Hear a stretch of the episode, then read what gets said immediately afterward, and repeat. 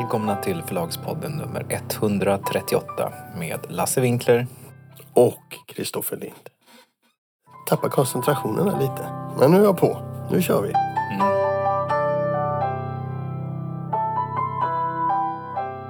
Du, förra veckan så var ju jag rätt kaxig när jag hade varit på eh, Littfest i Umeå. Ja, framförallt så sa du att nu kommer allting komma tillbaka med en kraft som vi inte hade räknat med. Allt kommer bli precis som förr.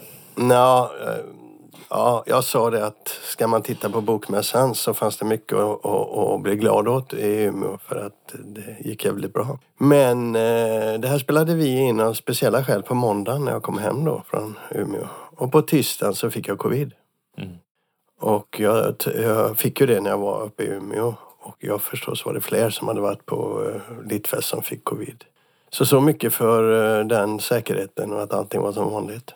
Så det är fortfarande lite, lite, lite, vad ska man säga, lite osäkert helt enkelt. Man ska inte vara för snabb. Ja, alltså jag hör om många som har fått eh, covid och även om eh, antalet som vårdas på sjukhus minskar så verkar det som att det får, pågår väldigt mycket smittspridning och många som blir ganska dåliga. Så att vi kanske, nu har vi fått annat att tänka på med Ukraina, men vi kanske inte ska räkna ut covid. Jag tänker ju naturligtvis på bokmässan. Vi vet ju inte, det kan ju komma en ny mutation och så vidare.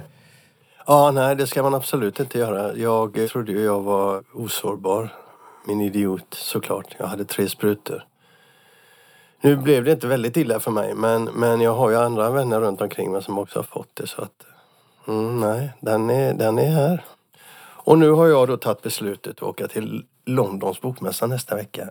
Och det, i skenet av allt som har hänt nu, eh, framstår ju som något av mitt absolut dummaste beslut på år och dag.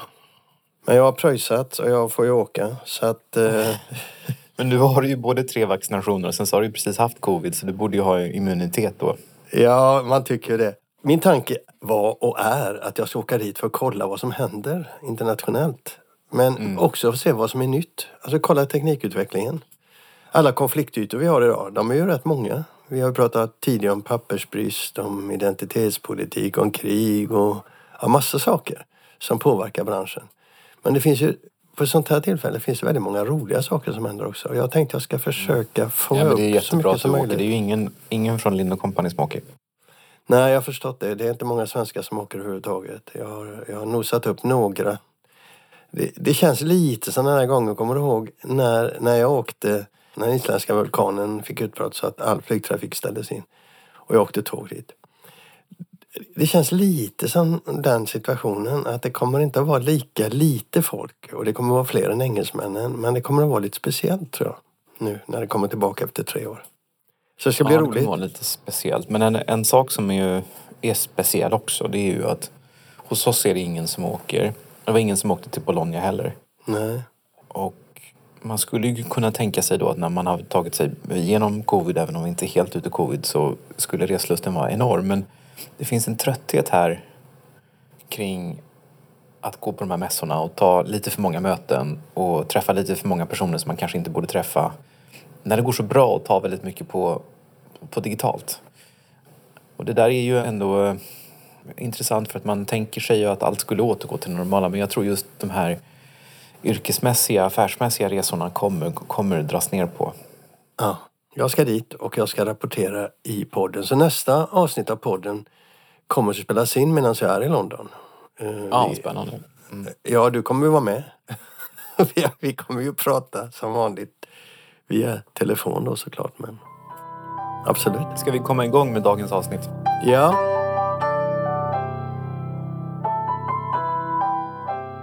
Ja, nej men det har ju faktiskt hänt en affär här i veckan, eller i förra veckan, som är ingen stor affär men jag tycker att det är en, en viktig affär och en intressant affär. Det är att Alfabeta och Ordfront har sålts av Dag Henryd som äger dem. I alla fall äger majoriteten. Han ägde väl hela Alfabeta.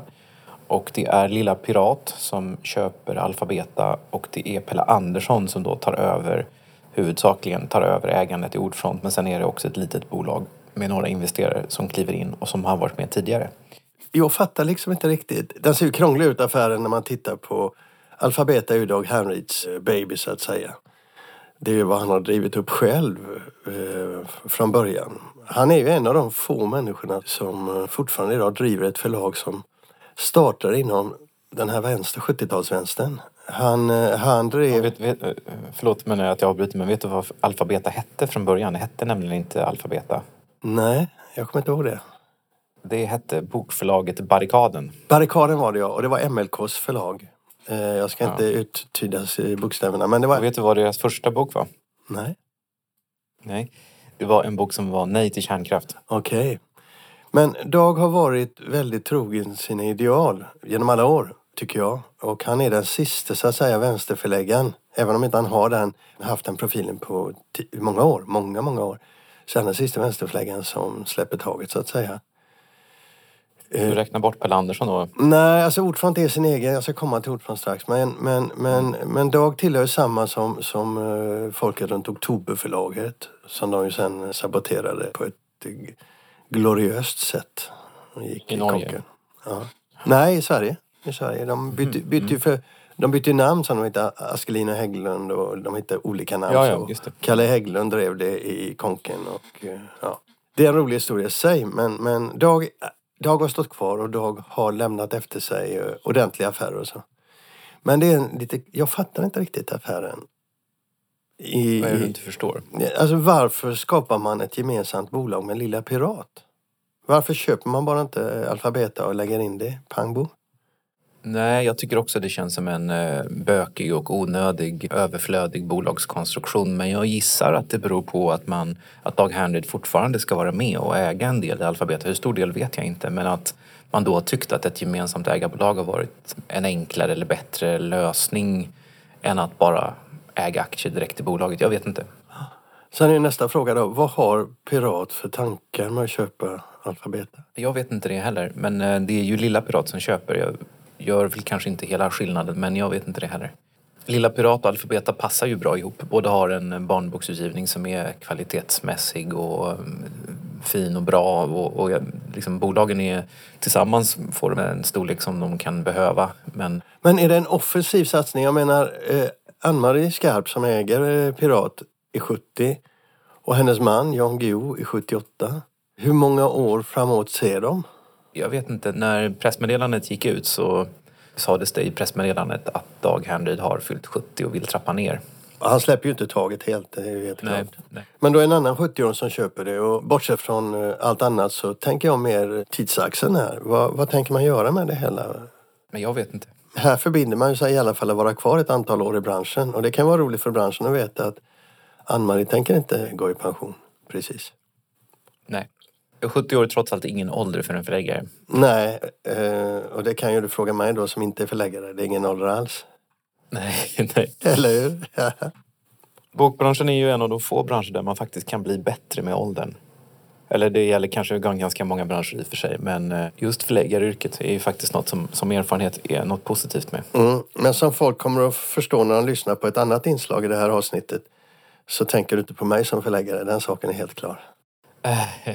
Nej. Du, Jag- tror, att det jag tror att det är många som lyssnar på podden som inte tänker på dig som anställningsbar.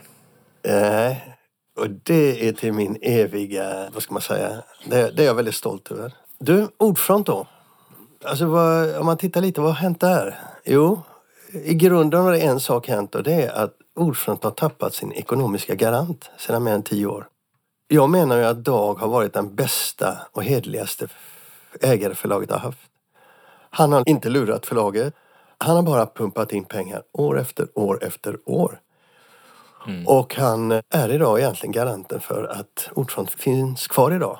Och han borde egentligen, det borde vara en del Få en nu- medalj. han borde ha medalj, åtminstone i Ordfronts värld. Så borde han ha en liten Man plats. får Vasaorden i briljanter. Ja, ja nej, men han borde få en väldigt speciell plats i Ordfronts himmel. Om jag blir lite personlig då. Jag tror att orsaken till att han inte har fått den uppmärksamhet och uppskattning i offentligheten som han borde ha fått, det har man sett att vara, att göra. Han är ju en lite tillbakadragen natur. Han är ju inte, eh, om man säger så, inte den mest socialt mest utåtagerande människa man kan tänka sig. Och han kan ju ibland uppfattas som lite tvär. Och det gör att folk liksom inte är nyfikna, folk inte ser och förstår. Men de som ser och förstår vet att Dag Henrik har gjort ett fantastisk roll har han haft där och den eh, har jag tippat på hatten förut. I, i podden. Ja, men det är sant. Ja, och det vill jag ska Det är sant. sägas nu. Så att, Han är lite av en doldis får man väl säga. ja, han har ju valt det själv så. Men sin personlighet har han ju. Så nu förlorar Nordfront detta och det har gått bra några år nu. Men marginalerna är inte stora och man, det kan hända jättemycket på marknaden. Och det tror jag folk måste förstå. Va? Alltså, för, Ordfront är ju ett speciellt förlag. De har en brokig och slitsam historia. Och när det gäller utgivning så har de de senaste 20 åren gjort två större justeringar i sin profil. Först gjorde förre förlagschefen eh, Jan-Erik Pettersson, som jag också lyfter på hatten för. Han gjorde en. Och Pelle har gjort en. Och det handlar i båda fallen om att inse att många av förlagets gamla eh, storsäljare och traditionsbärare plötsligt har blivit obsoleta i samhällsdebatten. Ingen köper deras böcker längre. John Pilger var ju en sån. Va? Vad sa du? John Pilger, Ja. den australienske journalisten, var ju en sån när Jan-Erik Pettersson insåg att den typen av författarskap inte längre gick att ge ut för de, det fanns inte tillräckligt många köpare. De hade släppt, köparna hade släppt taget om dem. Och Pelle har också märkt det. Han har märkt det när han har försökt lyfta in nya, Owen Jones till exempel. Så märker han att de fastnar inte. Det är ingen som köper dem. Så att det är svårt att hitta vilka är det som nu blir de stora debattörerna som är intressanta på den svenska marknaden. Och här menar jag att Ordfront har en viktig roll att spela och Pelle kommer att få fortsätta jobba med det. Har man inte jättestora resurser då så är varje felutgiven bok ett problem. Och felutgiven i den bemärkelsen att marknaden inte tar emot den. Men jag tror ju, tittar du på nätet vad som har hänt när formellt Pelle fick ta över nu så är hurra och jubelropen och grattisropen väldigt många. Så det finns en stor del utav kultursverige som ser Ordfront som en del av sitt kulturella DNA. Och då tror jag att de får göra mer än hurra och lycka till nu i framtiden. De får liksom ha kollen på förlaget och hjälpa förlaget att köpa böckerna. Mm. Inte så som under föreningen Ordfronts tid men Ordfront kräver en speciell omtanke av sina supportrar. Det var vackert sagt. Ja, jag vet inte om det var så vackert sagt.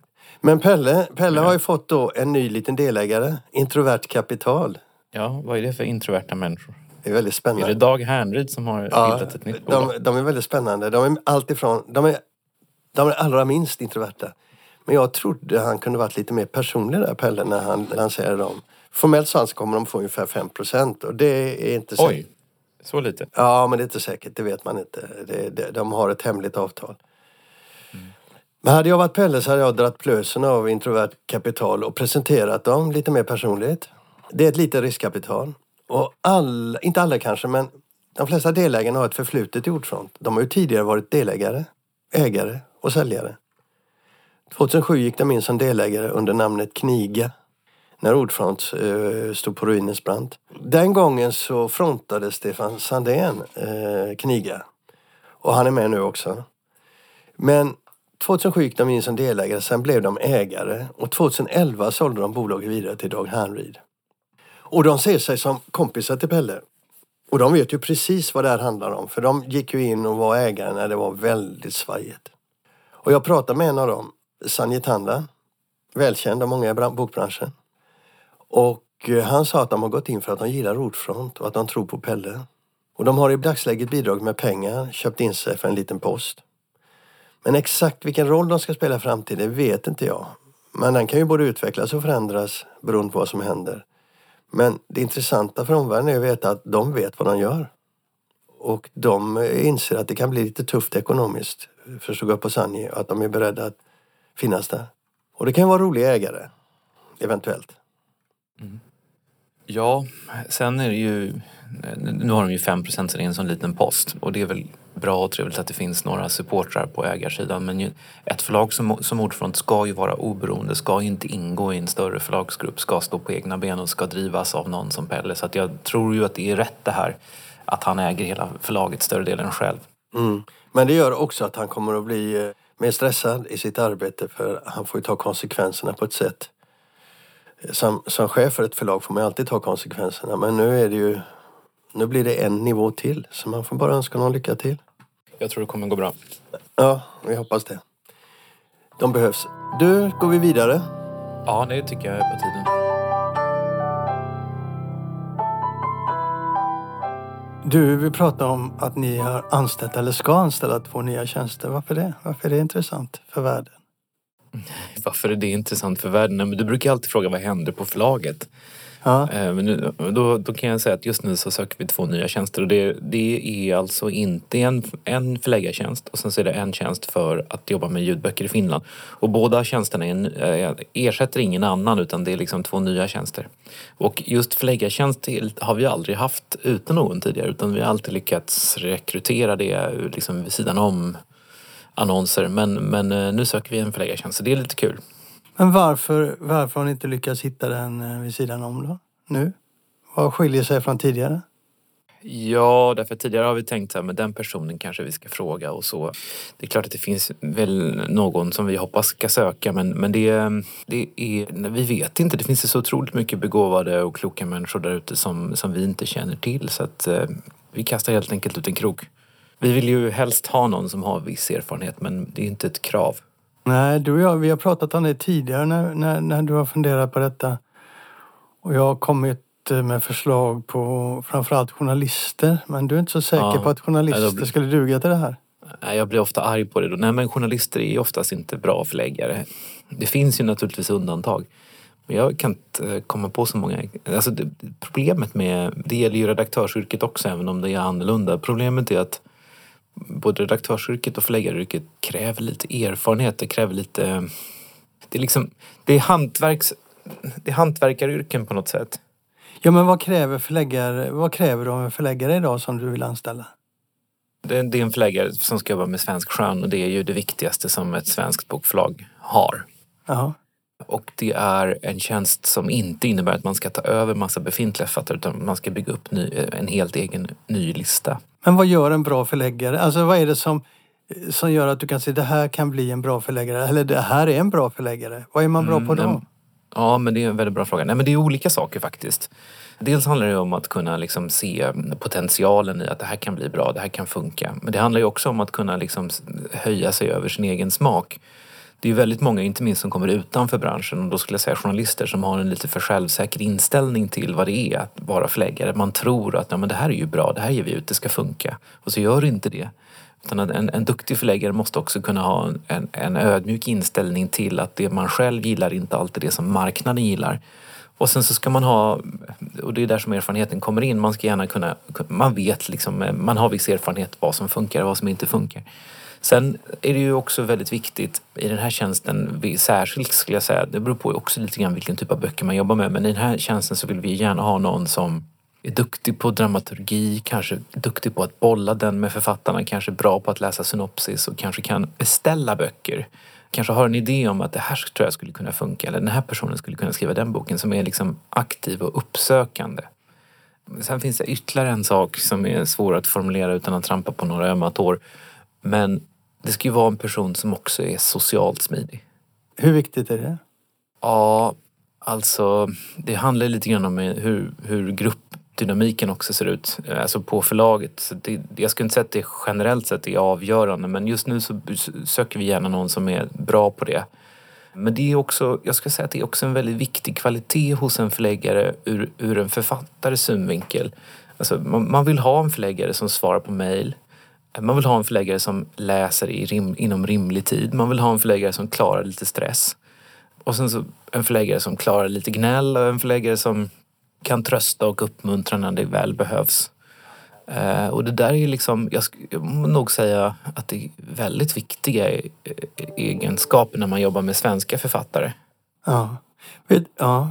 Något mer som, som... Alltså jag har alltid funderat på det. Vad, vad, vad ska en bra förläggare klara av? Vad jag ofta funderar på sådär. Men nu när, Ja. du, nu när du berättar det på det sättet så inser jag att jag fyller nog bara en av de kriterierna. Och det är, Och vad tror du? jag vet inte. Ja, men skärp dig nu. Min sociala kompetens tänkte jag du skulle fånga direkt. Ja, alltså jag, har inte, jag har inte ens den alltså. Det var Jo, då, det har du. Men, nej, men sen är det en annan grej också. Att en förläggare får inte ta för mycket plats. Shit, där följer jag Eh, och- direkt. Ja, alltså jag, du, har ju som himla många goda egenskaper. Och Eller hur? Stark, nej, men du har ju det. Du har nyfikenheten och drivkraften och du har liksom en, en stark...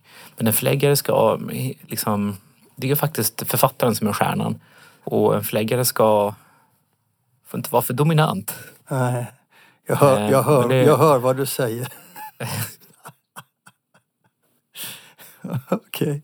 Kan jag söka den andra tjänsten och den till Finland? Nej, för det krävs att man kan finska. Fan. Ja, ja. Och bra finska. Man ska helst vara uppvuxen i Finland. För, så. ja, nej jag får väl eh, se mig om efter ett annat jobb då.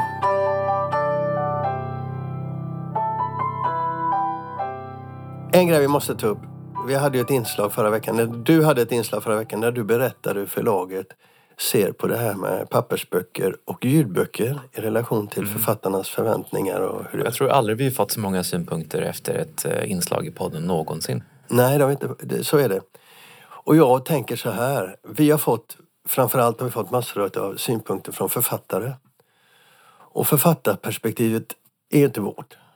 Så, att jag, så jag tänker att jag läser upp en del av de här eh, synpunkterna och så får de stå för sig. Så har man som lyssnare också fått med sig författarsynpunkter som gör frågan ännu mer komplex. Och en av dem, då som jag tänkte börja med, pekar också på att det här är ju en fråga som kommer att behöva tas upp under många år och av alla aktörer i branschen. Så det är inte en fråga om förlag och författare bara. Hela strukturen är ju anpassad till detta. Jag kommer inte nämna vilka författarna är jag kommer inte läsa upp med ett undantag hela vad heter brevet. Utan jag har fyra stycken röster jag tänkte jag ska ta upp här. Mm. Och jag får inte kommentera dem.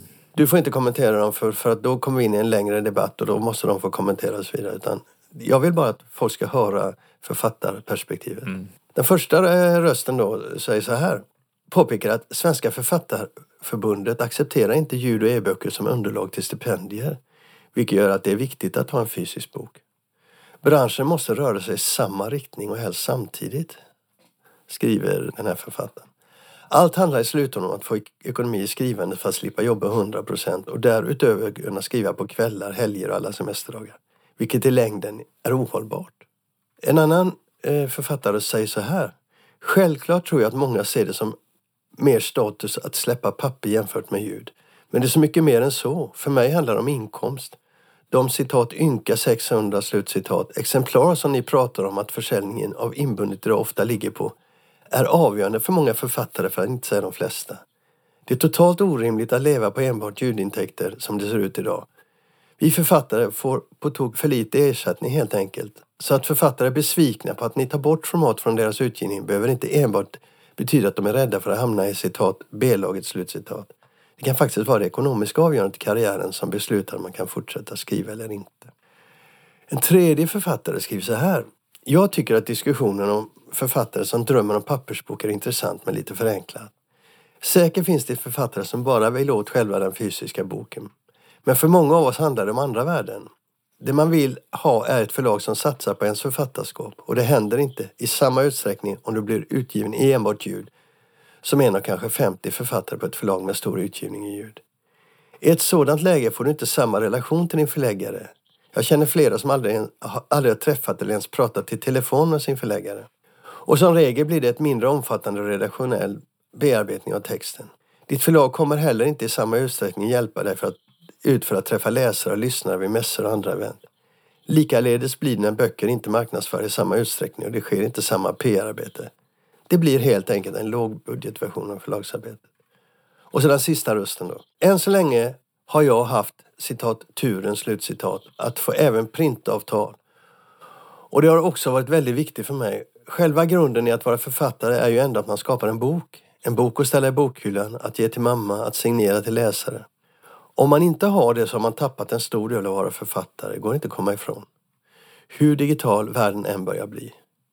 Visst är det så att utvecklingen går oroväckande snabbt mot att bli väldigt digital. Och det är ju bara att försöka hänga med. En får försöka tänka om och inse att det digitala är framtiden och att papper inte är bättre.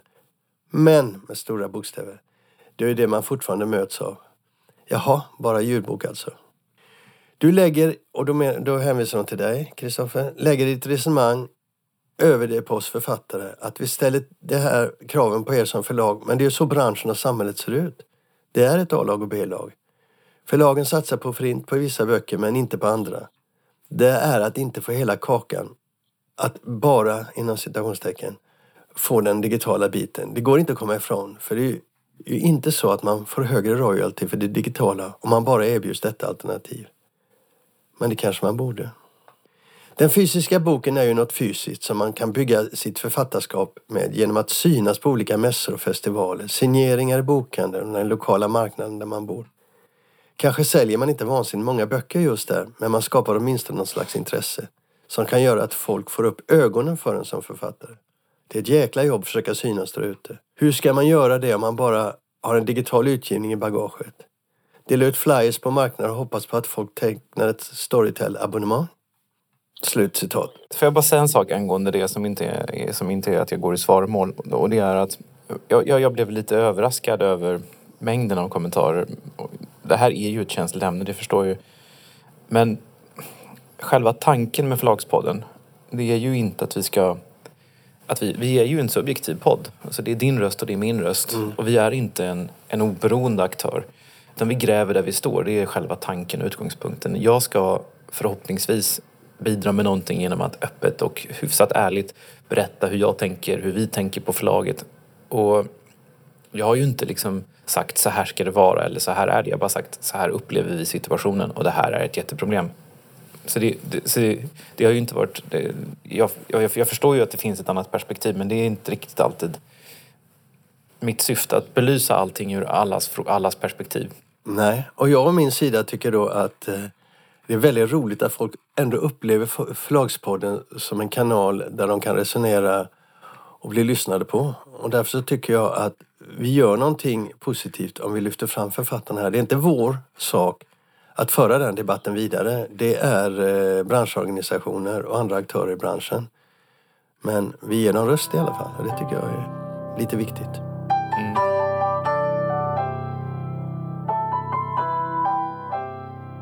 Det var allt för avsnitt 138. Vi hörs igen nästa vecka och då blir det avsnitt Ja, Det borde bli 140 va? 139? ja, 139. Eller är det 137? Ja men skärp dig! vad, blev, vad blev det? Det blev avsnitt 100... Det spelar ingen roll, det är ett nytt avsnitt. Ja, så är det. Hej med er! Hej hej!